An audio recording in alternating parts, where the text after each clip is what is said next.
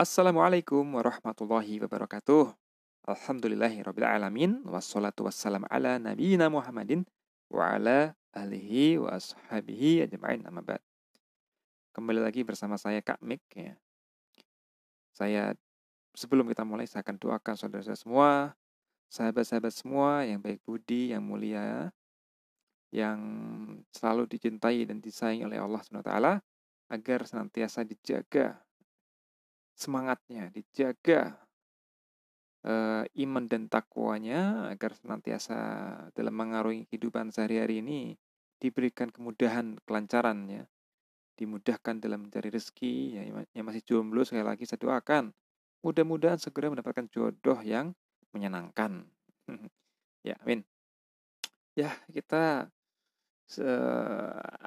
sedikit lah ya berbagi alam pikiran ya lintasan pikiran masih terkait dengan COVID-19. Sebelumnya kita juga sudah singgung mengenai new normal. Mungkin saya sedikit agak ke belakang lagi nih tentang physical distancing. Karena eh, karena melihat wacana yang berkembang di, di tengah-tengah publik pada akhir-akhir ini khususnya satu minggu ini yang terkait dengan new normal ya. Ini harus ada yang mengiringi yaitu ya prinsip physical distancing. Karena saya agak sedikit khawatir ya. Wacana new normal ini ini tidak diiringi dengan prinsip-prinsip dan kedisiplinan dalam fisik apa physical distancing ini. Karena ini kan lanjutan sebetulnya ya. Jadi new normal ini adalah physical distancing yang dibiasakan. Kira-kira seperti itu kalau menurut saya gambarannya ya. Ibarat kata kita ini sebelumnya berpuasa ya, yang tadinya berpuasa, rajin membaca Al-Qur'an di bulan Ramadan. Nah, pasca Ramadan itu tetap menjalankan hal itu gitu. Nah, itu new normalnya. Tadinya nggak normal, nggak jarang baca Quran, jarang bersedekah misalnya. Di bulan Ramadan dia giat bersedekah, giat baca Quran, giat sholat malam. Nah, pasca Ramadan Nah, yang kiat-kiat tadi itu tetap bertahan. Nah, itu kira-kira mudahnya seperti itu. Nah, ini kali ini saya coba berikan judul ya, kurang lebihnya seperti ini nih. Physical distancing dunia dan akhirat ya. Ini ini soalnya ini renyah lah ya. Ini renyah. Jadi sebetulnya ya, physical distancing ini bukan barang baru menurut saya. Sejak dahulu juga sudah ada ketika nanti di hari akhir pun ada juga ya physical distancing. Yang pertama ya, Nabi Adam juga pernah mengalami physical distancing ya.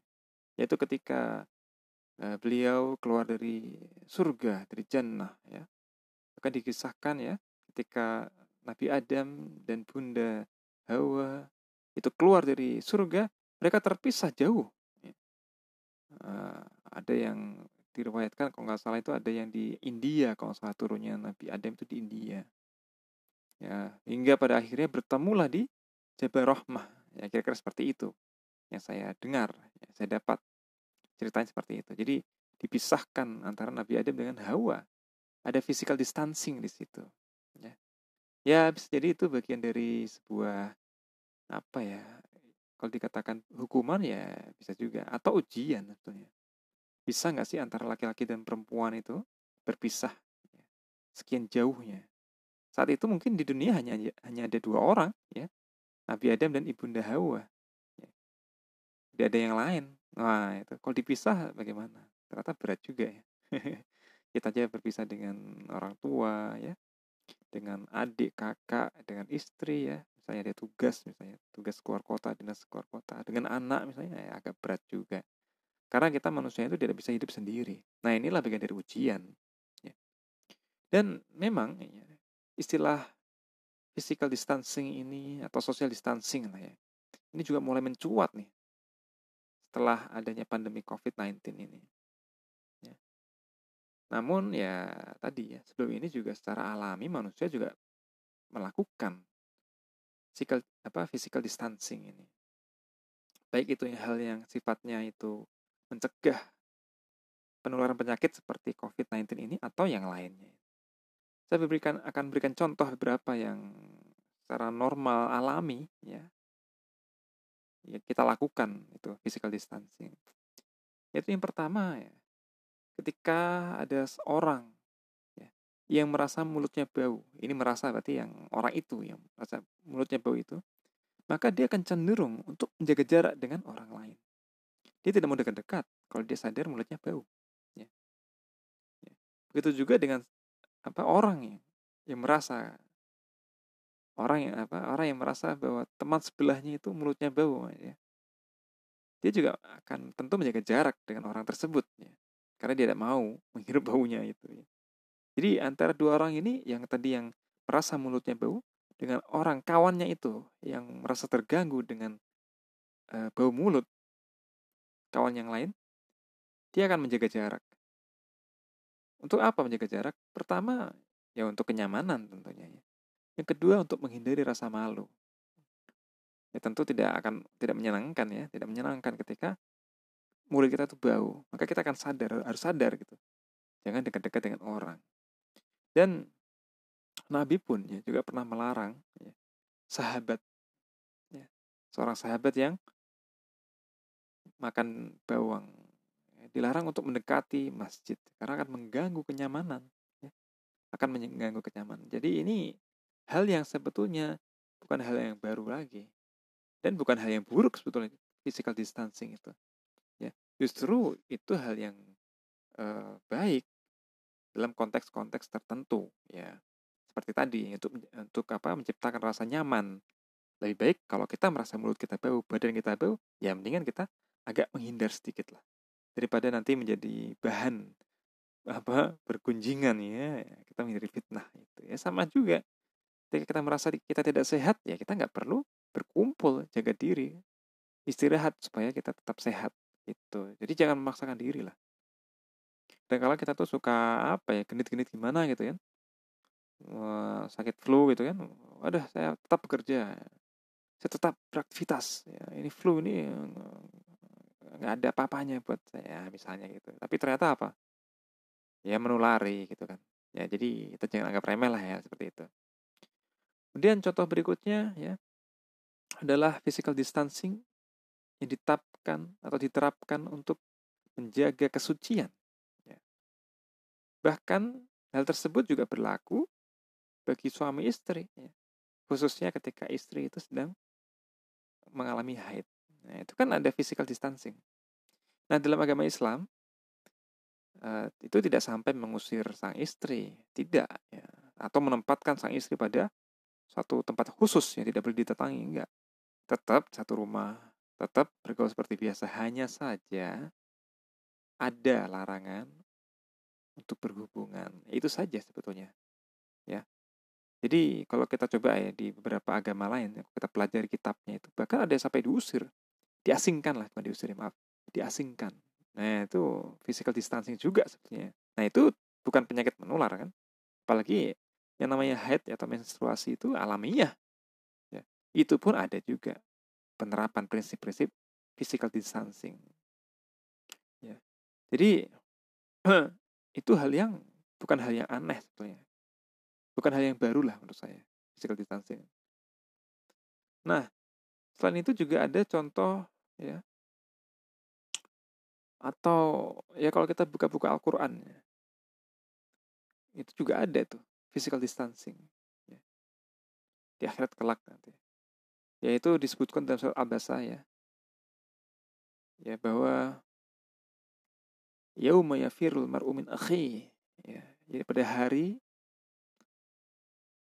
setiap orang itu lari ya dari saudaranya ya dari sahabatnya dari saudaranya akhi saudaranya wa ummihi wa abi jadi ibu dan bapaknya. Ya. Seorang anak lari dari ibu dan bapaknya. Ya, lari dia. Wasohibatihi wabani. Dari sahabat, dari pasangan, ya. dari kawan karib, dan juga dari anak-anaknya. Ya, itu berpencar tuh. Ya. Berpencar nanti kelak kita itu. Alhamdulillah zalik. Kenapa berpencar? Kita merasa berdosa. Mungkin di dunia pernah mengkhianati, kelak di akhirat akan ditampakkan ya, pengkhianatan-pengkhianatan kita. Ya. Atau sebaliknya, kita enggan bertanggung jawab atas kesalahan orang lain.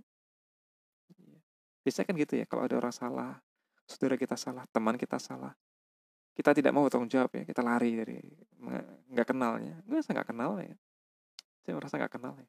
Tapi kalau teman kita, saudara kita ini dalam kondisi mendapatkan kebaikan, kita ngaku-ngaku. Nah, sukanya begitu kan? Ya, nggak boleh lah seperti itu ya baik suka duka ya kalau saudara kita sahabat kita ya kita temani ya kita gandeng nah itu juga terjadi kelak nanti ya maka ini menjadi suatu hal yang harus kita renungkan ya dalam arti physical distancing ini bukan hal yang sifatnya buruk tidak selamanya buruk. Ya. Ya kalau terbukti buruk atau nyata-nyata buruk adalah ketika nanti di hari akhir. Itu bukan karena bukan karena physical distancingnya. Karena perilaku kita ketika di dunia berbuah kepada atau membuahkan satu hal yang kezoliman ya.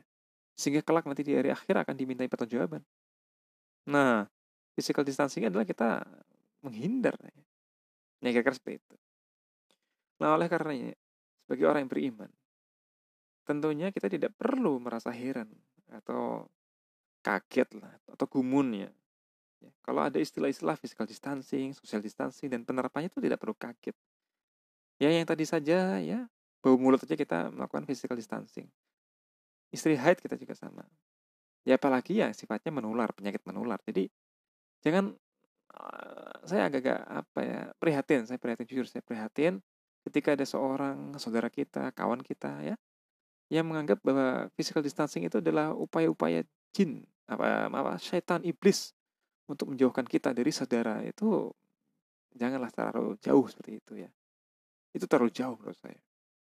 Nah karena memang secara alami ya seperti tadi jelaskan ya itu juga sudah dipraktikkan dalam kehidupan sehari-hari gitu loh ya, kita menghindari hal yang kita tidak tahu menghindari bahaya itu sudah hal yang biasa Nah, hanya saja memang di pada kasus ini ya physical distancing ini telah menjadi suatu kebijakan publik. Ya, ya tadinya itu adalah secara naluri alamiah manusia. Nah, ini physical distancing menjadi suatu kebijakan publik. Yang mau nggak mau ada konsekuensinya ketika melanggar. Ya. Jadi yang perlu kita juga perlu renungkan adalah ini ya, adanya sebagian apa eh, saudara kita sudah paham terkait dengan physical distancing ini ya, ini merupakan hal yang apa ya, hal yang sangat diperlukan bagi umat Islam khususnya. Karena ini juga melatih kedisiplinan. Namun ada juga sebagian dari saudara kita yang tidak disiplin gitu ya. Yang tidak mau tahu tentang apa itu physical distancing, malah dilanggar gitu kan. Apa sih ini ya? Gitu. Nah, tugas kita adalah menyadarkan. Physical distancing juga bukan hal yang buruk tadi saya jelaskan bahwa justru ini digunakan untuk menjaga diri ya dari keburukan ya yang apa ya keburukan yang muncul ya menjaga seperti larangan mendekati zina itu kan juga sebetulnya physical distancing ya menjaga interaksi antar mahram itu juga physical distancing sebenarnya. Kalau di Al-Quran kan ada ya beberapa ayat ya. La taqrabu zina, la taqrabu hadhihi syajarata. Ya, jadi macam-macam ada yang dilarang berzina, mendekati zina, dilarang mendekati suatu pohon, dilarang mendekati istri, ya. Banyak hal dan dilarang juga mendekati harta anak yatim. Ya, itu juga sudah ada. Nah, jadi ketika kita ya mampu menahan diri, ya, menahan ego kita, ya, ya, maka ini merupakan bagian dari res, res awareness, ya, kehati-hatian kita. Menghindari itu bagian dari kehati-hatian. Karena takwa itu kan bagian dari kehati-hatian. Prinsip takwa itu kan prinsip kehati-hatian supaya kita tidak terjerumus, supaya kita tidak celaka. Nah, di antaranya adalah melakukan physical distancing kaitannya dengan wabah COVID-19 ini.